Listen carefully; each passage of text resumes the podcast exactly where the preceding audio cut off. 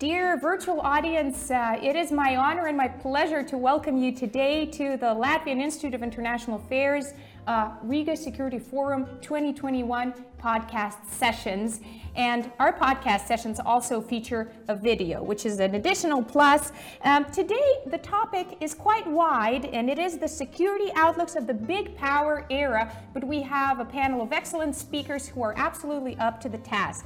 Now, it is my pleasure to introduce. First, we have Julia Voo. Uh, now, Julia Voo is a cyber fellow at Harvard's Belfer Center, and she leads the team behind Belfer's National Cyber Power Index. Now, that is an index that most of us have used in our research. Uh, it is a very influential data set. Uh, formerly, uh, Julia was the research director for the China Cyber Policy Initiative. Uh, her areas of research uh, concern geotech strategy. She looks at the uh, digital Silk Road, industrial policy, and tech standards for strategic technologies. Julia has research affiliations with Oxford, Leiden, and Johns Hopkins. Um, actually, Julia also has um, um, an experience from the other, from the proverbial other side, so to speak. She's an ex diplomat. She has served at the British Embassy in Beijing, uh, covering China's cyber and artificial intelligence policy from a commercial perspective. Um, and also, she's looked into technical standards in that role.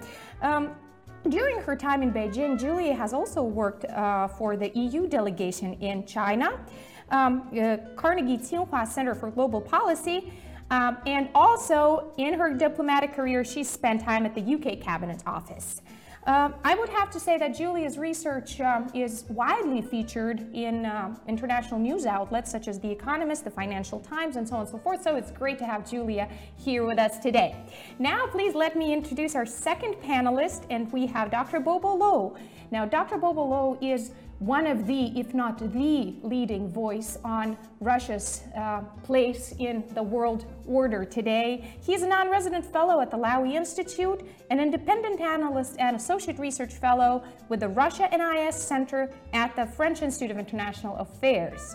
And previously, uh, we all know Bobo Lo uh, from his role as the head of the Russia and Eurasia program at Chatham House.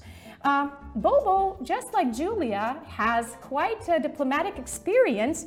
He was the deputy head of mission at the Australian Embassy in Moscow, um, and as an author, he's written extensively on Russian foreign security policy. Uh, especially during this, his recent book with a particular focus on Sino-Russian relations.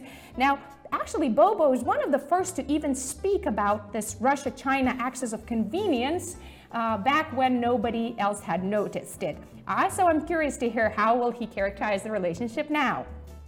Now, Bobo is the author of Russia and the New World Disorder, a critically acclaimed research um, publication book, um, described by The Economist as the best attempt yet to explain Russia's unhappy relationship with the West, uh, whereas his, uh, with the rest of the world, pardon me, whereas his latest book, A Wary Embrace, What the China-Russia Relationship Means for the World, um, is um, uh, specifically interesting for us today because it looks at these two Eurasian giants and their relationship. Now, uh, Bobo has an MA from Oxford and a PhD from Melbourne University. So, indeed, um, uh, a lot of knowledge in this room today. Please let me go first to Julia for some opening remarks. Please, Julia. Thanks so much, Una. Thank you for the really warm uh, welcome. And I'm so happy to be on this panel and also to discuss these issues with Bobo and learn from Bobo.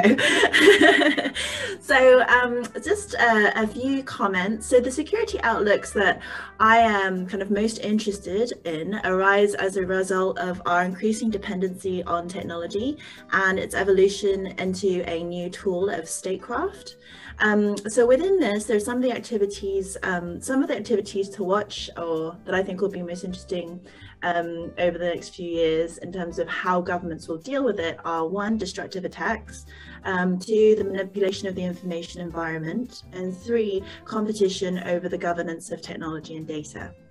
So by cyber attacks, I mean um, destructive attacks. I mean cyber attacks by both states and non-state actors. Um, and so, you know, it's not the case anymore that cyber is like an, an invisible conflict. We take, for instance, the kind of real world, world consequences of the ransomware attack on the Colonial Pipeline earlier in May. Um, you know, ransomware is um, where hackers get inside computer networks and lock owners out until a ransom is paid. And this affected one of the largest US pipelines, um, like uh, that supplies about 45% of the oil to the East Coast.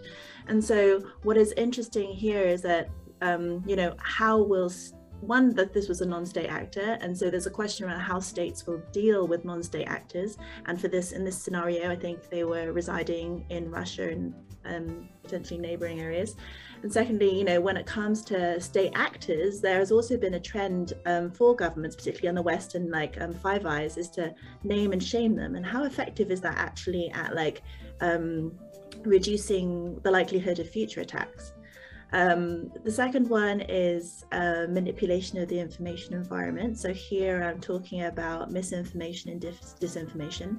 I would say misinformation is the spreading of, for those of you who don't know, the spreading of um, false information with no malicious intent. Disinformation is the spreading of false information with malicious intent to shape um, public opinion and perceptions. Um, and so one of this is actually one of the the trends that I find a little the scariest because it's kind of so insidious and you, you, everyone is in their own bubble of information and so you know and one of the areas where i think this is particularly um, risky is um, well in countries that are democratic that rely on elections Elections rely on competitive processes, faith in electoral institutions, and also informed participation. So these kinds of um, efforts um, to um, influence the information environment could be really problematic for our societies. Um, and finally, um, competition over governance of technology and data. And so here is like kind of my my pet like the thing that I love to think about is like international standards, which make a lot of people yawn. But it's basically how um, how technology is shaped by technical standards and who influences them, why, and where. Um, and we're seeing a lot more efforts around kind of collaborating on technical standards. There were some agreements from I think the G7, D10, also the Quad.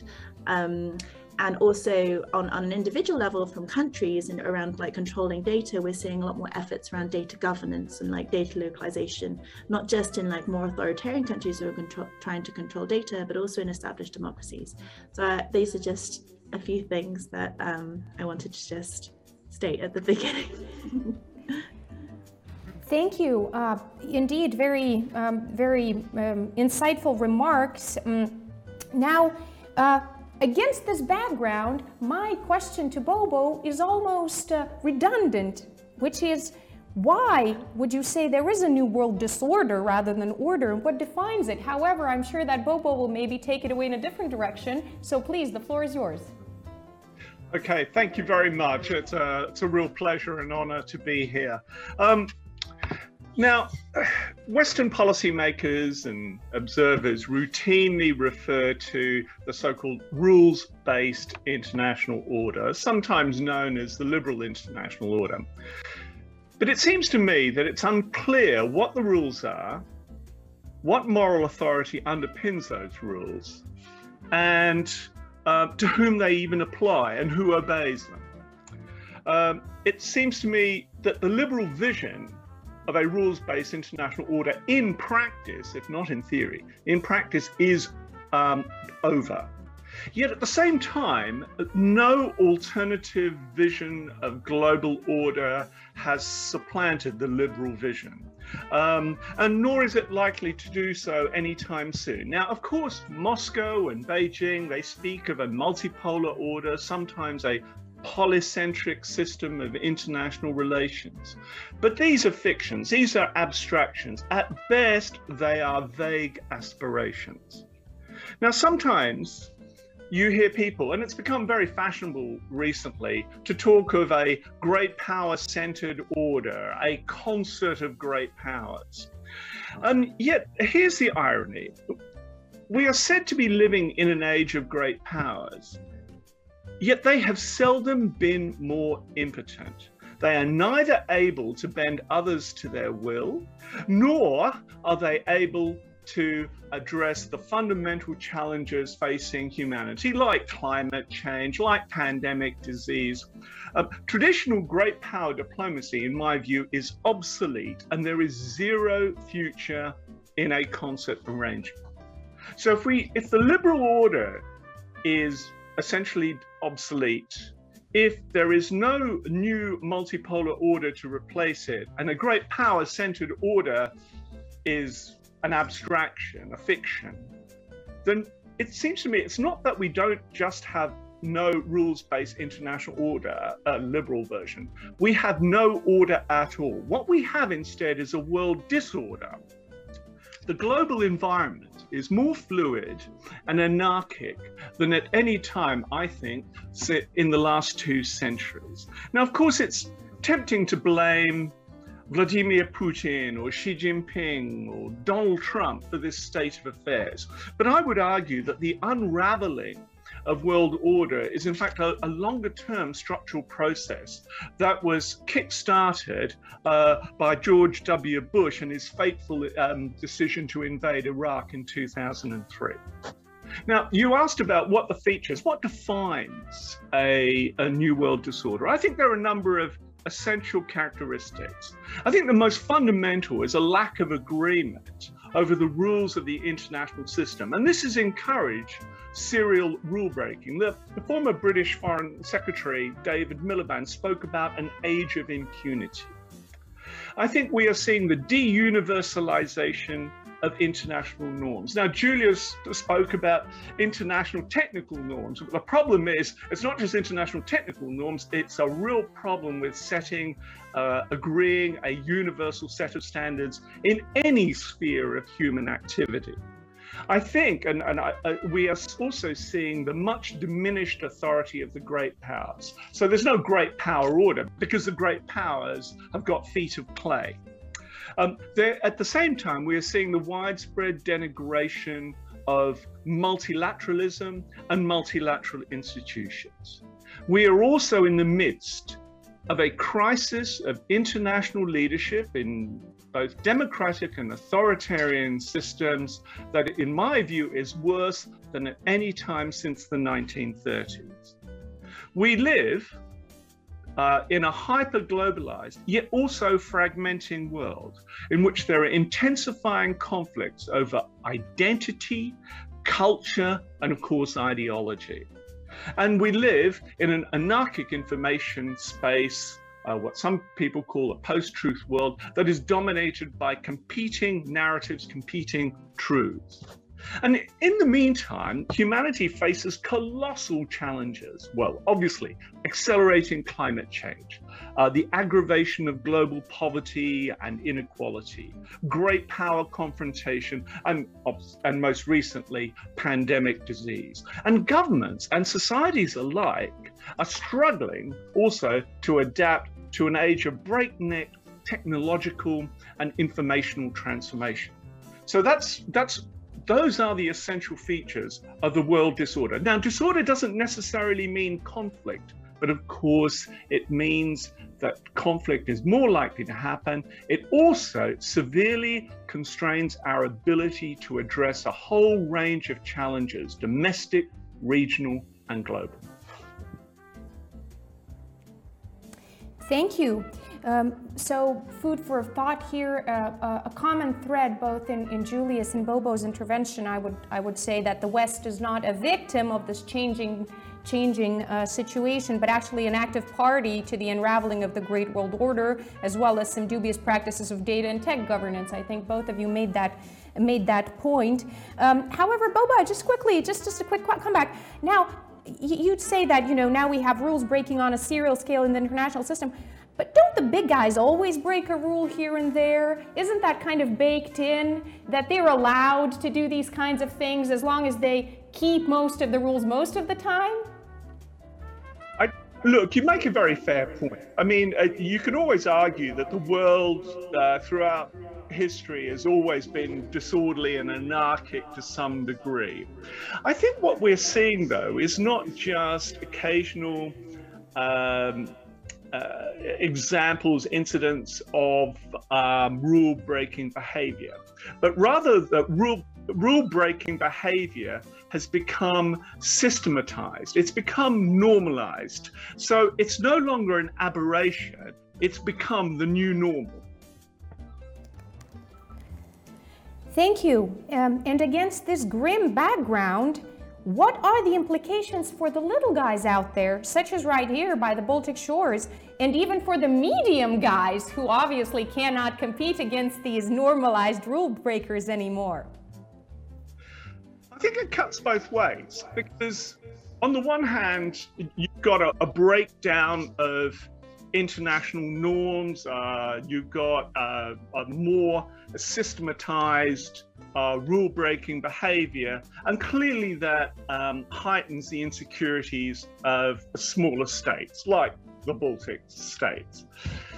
But there is an upside, strangely enough, which is that because the great powers have seldom been less able to impose their will or persuade smaller and medium sized states, that means there is more latitude, uh, more room for maneuver for these smaller and medium sized states. Um, so, in other words, they, they may be more insecure, but they also have more autonomy and more choice. So I think, you know, there's both an up and a downside to this. Thank you. Now, Julia, let me turn to you. Uh, Bobo just made a point that the big powers are getting weaker. Is it also the dynamic that you see in terms of their cyberspace uh, um, activities, or is it a different story in the cyberspace? Um, well, I think that um, like weaker in a sense because uh, in a way the ability, like cyber power um, is more easily accessible for smaller powers, if that makes sense. Um, so, like for us, uh, the way that we define it in our research, cyber power is not just about conducting the offensive operations to take down an adversary's infrastructure, but it includes like a whole host of other um, cyber operations um, that contribute to um, states' overall influence. So, one is and, and control. Um, so one is like su- surveilling and monitoring domestic groups, um, being able to enhance national defenses, controlling the information environment, as I mentioned earlier, intelligence gathering, commercial gain, and also defining international cyber norms um, and tech governance.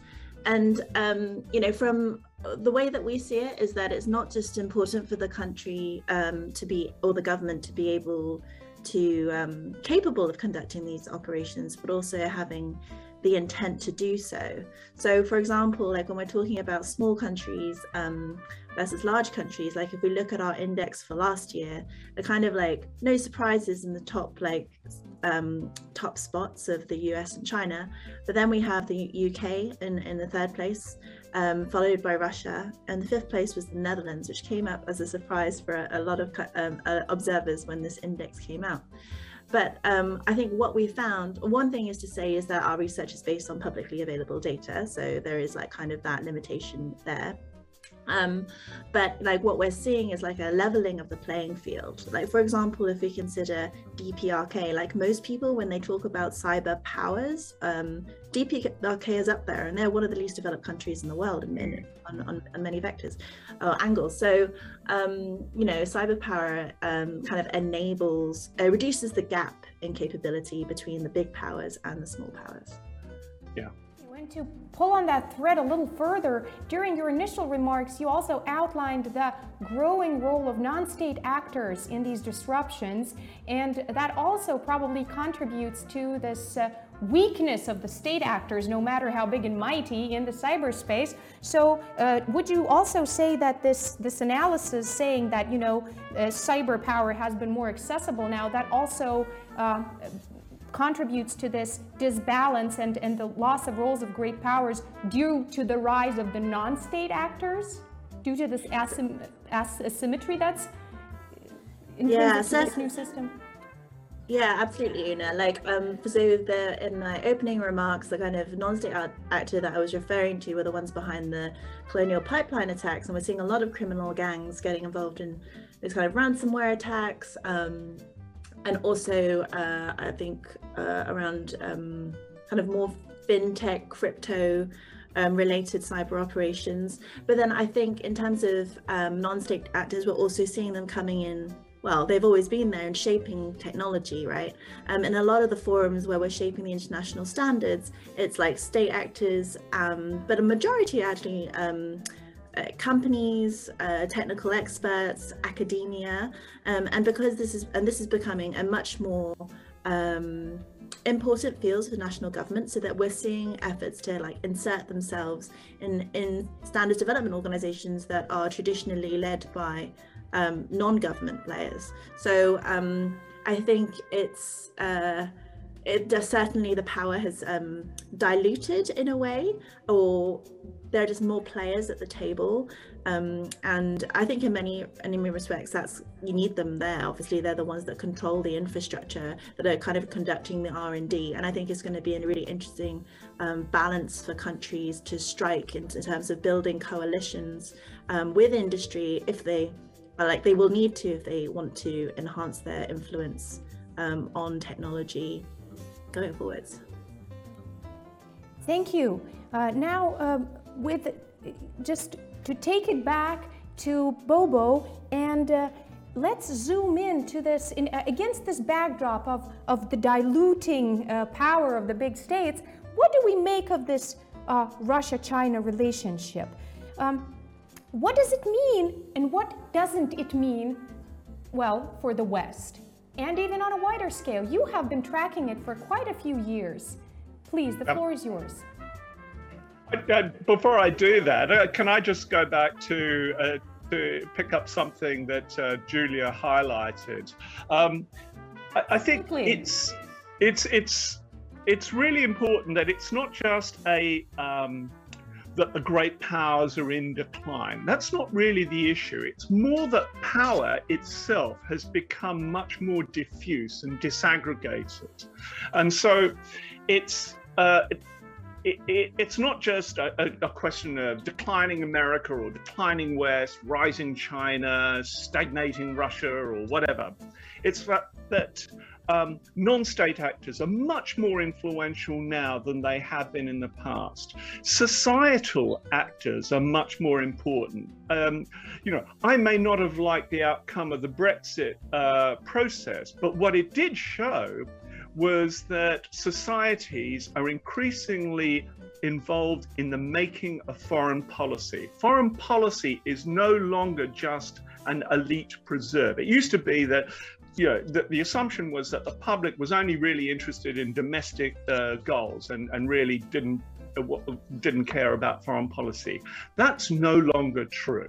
And so international policy making has become much more disaggregated, power has become much more diffuse, and this is this is creating a much more fluid, uh, dynamic, but also somewhat anarchic global environment.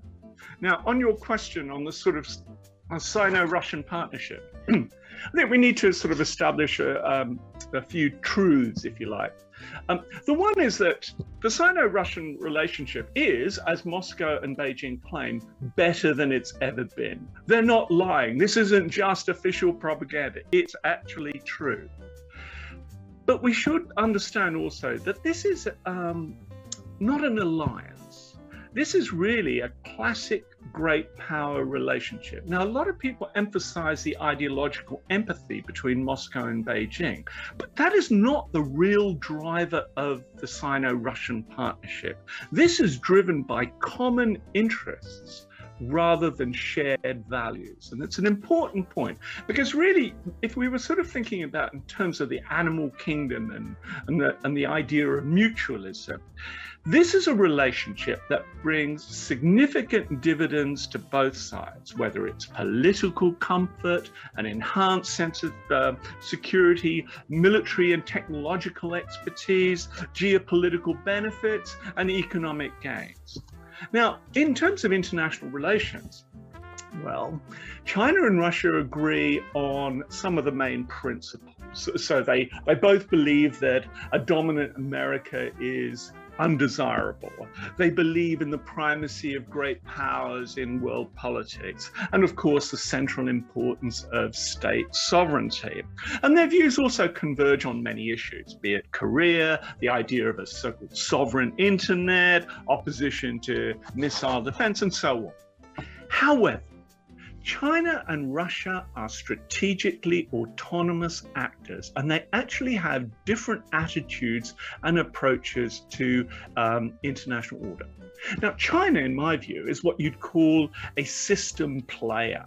It operates on the basic premise that the existing international system, for all its flaws and limitations, continues to favor Chinese interests in the main. And therefore, what Beijing tries to do is it tries to game the system. It exploits the system's advantages, but also its shortcomings. Now, by contrast, Moscow is a system disruptor. Now, in the long term, of course, it hopes for something better. It hopes for a kind of 21st century concert of great powers in which Russia plays okay, it's not as powerful as the United States and China, but it's powerful enough to hold the equilibrium between those two great powers. And so it exercises strategic leverage vis a vis both. But in the meantime, Moscow looks to exploit opportunities arising from a fluid and unstable international environment, i.e., the, the world disorder. Now, although China and Russia are strongly committed to their partnership, the fact that they have rather different approaches to international order means that there is actually surprisingly little coordination between them. Um, there is no, contrary to what many would have us believe, there is no Sino Russian conspiracy against the West. And each side has surprisingly little influence on the other's decision making. Uh, Beijing acts on its own initiative in the Asia Pacific region, and Moscow pursues an independent line in Europe and the Middle East. And for each side, foreign policy is a wholly sovereign affair. Now, China and Russia have become scapegoats for the crisis of the rules based international order. And there's no doubt that many of their actions have been egregious. But we do need to recognize here, we need to take responsibility in the West. The troubles of liberalism and the liberal international order have been largely self inflicted. What Beijing and Moscow have done, and sometimes unconscionably, is to exploit our failings and our shortcomings, but they did not cause them. I'll leave it there. Thank you. Just to um, just to follow up on a few things, Keeping in mind everything that we talked about today and, and Julia's intervention, the state sovereignty principle of, of both Russia and China isn't it becoming outdated? Isn't it a race against time or kind of living a little bit in, in, in, in the self? Um, it, it's a little bit of lying to themselves because the system is changing, as you've also out, out um, uh, outlined. And another thing I just wanted to quickly point out uh, just recently, I think a few days ago, a new article came out by uh, Igor Denisov where he talks about this Russian increasing hedging against China. So this, uh, mm. this, this, this perception that, that Russia is losing, in fact, losing out by, by, by, um, by granting China control. So I wonder, what, what do you think of this, of, of this uh, increasing hedging uh, analysis and whether you would agree um, with it? And then I will have another question for you. So please don't, don't put your pen down just yet. um, okay, so uh, is uh, I think your first question is really putting the quest, uh, putting the idea that uh, uh, Russian and Chinese views of the primacy of states are outdated. Um, uh, personally, yes, I agree with you. The trouble is, it's not only Russia and China who who believe in the primacy of states. It's pretty much every national government in the world, starting with the Biden administration. So, in a way, the problem is not just with Russia and China, it's with governments, democratic and authoritarian, hybrid, all over the world because they are, in a sense, trying to address 21st century challenges with very much state centered 19th and 20th century thinking. And surprise, surprise, it's not working. so so that, that that is a problem but but it's not just china and russia it's everyone effectively now is russia hedging against china yes and no um, what this uh, this comes back to the point I made about what Russia wants in the longer term. Russia essentially envisages a tripolar order. Now it knows that the United States and China will be the, the two strongest powers, uh, the most multidimensional, most influential in the world for decades to come. So, in, in a certain level, Russia can't compete with it. But Russia can compete to the extent that it can play both sides against the middle. It can it can exercise strategic leverage. It its cooperation or at least acquiescence is needed by both sides. And this is what Russia is hoping to achieve. So Putin, this is why concepts that people think, oh look, uh, uh, Russia and China are getting together. No, that's not really the case. What Russia is trying to do is to exercise the maximum possible strategic leverage. And it identifies that um, the Sino Russian partnership is actually a force multiplier for Russian power and influence around the world. Now, people talk about the China Russia relationship being asymmetrical, unbalanced. And they, they sort of imagine that Russia is somehow this um, lackey uh, that is enslaved by this partnership. I think that's a fundamentally incorrect perception. Now, of course, Russia uh, is uh, economically far inferior to China. But Russia still has tremendous leverage in other areas. And one of the sources of its leverage is that China today is so extraordinarily unpopular, not just in the West, but across much of the rest of the world. And so this actually gives Russia leverage. Russia is in the perfect position, as it were, that a lot of countries prefer it to at least China or the United States, or in some cases, both. So, in other words, Russia's become the lesser evil. It's certainly the lesser evil to Washington. It's gone from being the chief bogeyman of successive US administrations to being well, you know, maybe not an ally, but maybe we can sort of neutralize it. We can park Russia. And this is a perfect situation. And meanwhile, what friends does China have? It has basically no friends. Russia is the nearest thing that China has to a friend. And this is actually, this gives Russia plenty of play and plenty of scope to pursue its longer term strategic ambitions. Thank you. Well, states might believe in their primacy, as you correctly pointed out, but at the same time, they're kind of clumping together to protect themselves against the new realities. And of course, I'm pointing my finger at the, at the microlateral formations such as uh, AUKUS and the Quad. So I want to talk to you about the great powers and how their behavior is impacting the international system. I think you already touched upon this in, in your address, but still, so kind of let us uh, move towards the future projections. The most hated part of any conversation for a political analyst, I understand, but please, uh, in terms of the projections on uh, the impact on the international system. Bobo, please. Okay. So, all right. Um, so, uh, you talk about microlateralism, and it's clear, it's, it's quite interesting what Biden has been doing because, on the one hand, Biden talks about a rules based international order. But on the other hand, he clearly doubts America's capacity to bring about such an order.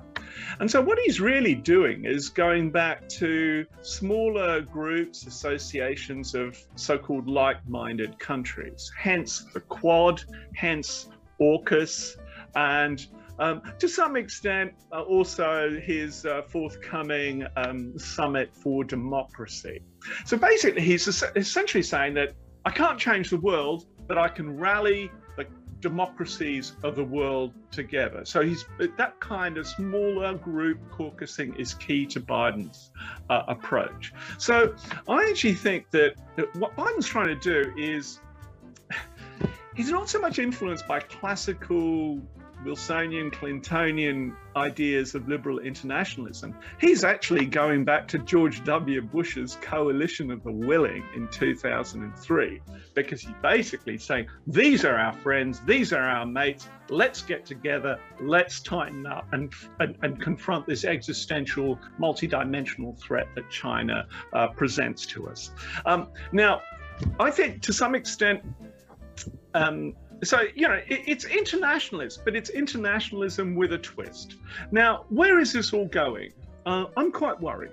Um, i'm concerned that the potential for conflict is now greater than it has been in decades. Uh, US China relations are worse than since the Cultural Revolution in the 1960s and early 70s. Um, and US, by the end of the Trump presidency, US Russia relations had slumped to a three decade low.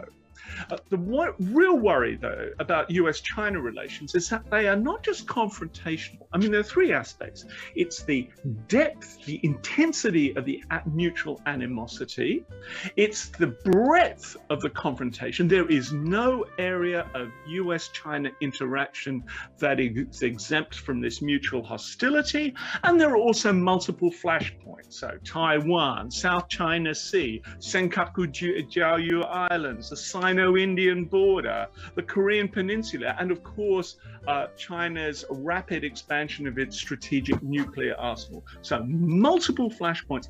That that's what worries me. Now, of course, Washington and Beijing, they don't want to fight a war.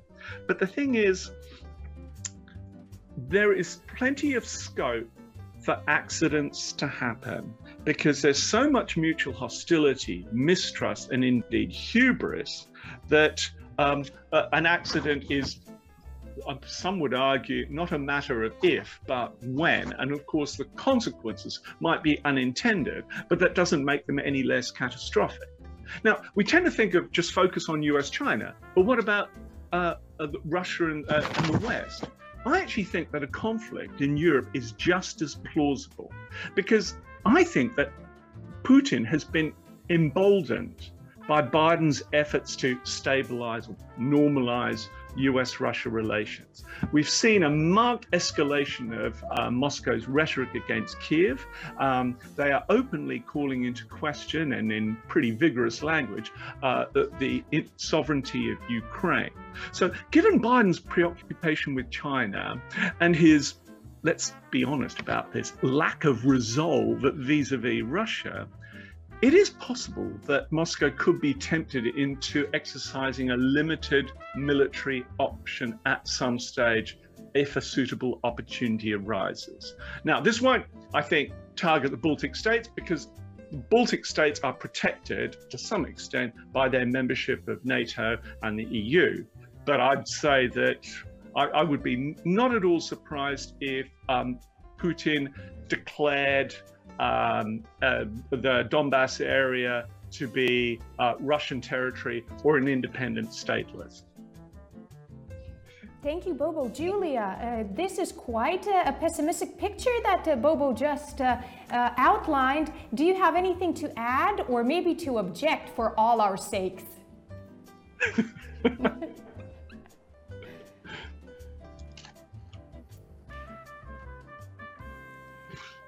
we we cannot hear you just yet. Apologies, I put myself on Perfect. mute because my cat, my cat was going crazy. But no, I really agree with them, Bobo's perspective. Um, so it was well, well, well said, Bobo. Thank you. Then I have a question for you.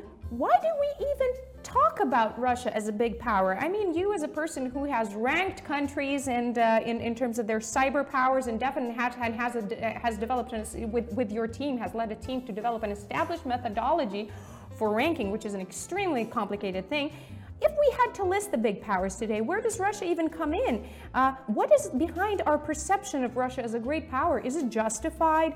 Could it maybe just be because of the memories of the Cold War era or, or the persona of Putin himself uh, punching above his weight, as, as the saying goes. Is it Russia's disregard for rules, the fact that it is a um, a, player that you don't really know what's, what, what it will do, or maybe it's something simple like the nuclear power status. Sure. Um, well, let me have a stab at this question. So, in terms of um, our ranking, I think we placed Russia fourth um, from the top out of 30 countries. Um, so certainly on the cyber front, it's extremely capable um, and it has high intent. I think what is noticeable um, out of the kind of angles that we measure power within this um, cyber sphere is that um, Russia was extremely weak on uh, norms, as in shaping international norms, as well as commerce. And for us, that means having an industrial base and having like the kind of technology um, that you create in-house and export to other countries. Um, so, and I actually think those are two significant weaknesses on cyber, uh, on Russia's front. Um, that means that I think long term, um, you know, vis-a-vis some other countries, it, it, it could like you know drop down. Um, if we consider cyber holistically, because obviously Russia ranks extremely high in terms of destructive operations. Um, I think that, um, as you mentioned, um, one of the things that um, makes Russia this kind of specter or factor like I, I, I don't know much about russia but from what i've read and stuff the the fact that it, a lot of the activities are um you know outside of the rule book they kind of play to their own rules that's something that i think is the unpredictability um, and kind of disregard for international rules is something that is quite notable and um, i think also maybe enhances people's um, uh, concerns towards russia. Um, i often think about russia um, and China together in the sense that when I'm thinking of challenges to the West or to the, then I think of those two countries. And actually, I've asked this question to some friends before, like, you know, what what is it? I know very little about Russia. I've spent some time thinking about China. I'm like, what? Which is which is the country that concerns you the most? And obviously, it's very difficult to compare both of them, right? You cannot really compare them; they're quite different. And um, I think that one of my friends like put it to put it quite nicely or kind of made sense to me like russia is like the weather and china is the climate. And i'm you know i think you, you guys you've heard this phrase before right? And sure. And, and actually I, that was the first time that i heard it and it really resonated with me and helped me think about the kind of influence and power that both of these countries have Yes, that sums it up perfectly. And it was the first time, I must admit, I heard this, this phrase. Now, to as we slowly start to uh, wrap up this extremely interesting conversation, I want to bring you uh, back to our topic um, security outlooks of the big power era. And uh, I want you to remember uh, the times you were wearing your diplomat hats and, and remember kind of get back into the mindset, the diplomatic mindset to answer my, my final question. Uh, so um, we, are ha- we have a NATO ministerial coming up in Riga uh, at the end of the month. Um, and obviously, NATO 2030 um, is, is, is, is, is a very uh, pertinent um, issue. So, which, which way for NATO? Um, and Bobo spoke today of, of, you know Russia being seen as the lesser evil, with but at the same time a conflict in Europe with with a conflict in Europe just as plausible. Are we up for a deprioritization of Russia as in, in NATO? What what what? How do you see which way should NATO uh, develop um, in in in, in um, against the backdrop of the considerations that you both masterfully outlined just now? Now let's start with Bobo and then to Julia. Okay. Um, can I uh, just before I answer that, can I just quickly get back onto uh, Russia as a as a great power? Um, it's it's fascinating to me. You know, you can talk about nukes, historical memory, energy, cyber, but the fundamental criterion of a great power and why Russia ranks high, in my view, third rather than fourth, is because it has a sovereign, independent, foreign policy. It is able to exercise its own will to an extent that most great powers can only dream of. So, for example, compare it to the EU. The EU is much more powerful in some respects, but the EU is a powerful economic bloc, but it's a geopolitical dwarf and its political influence is declining and its normative influence is also declining.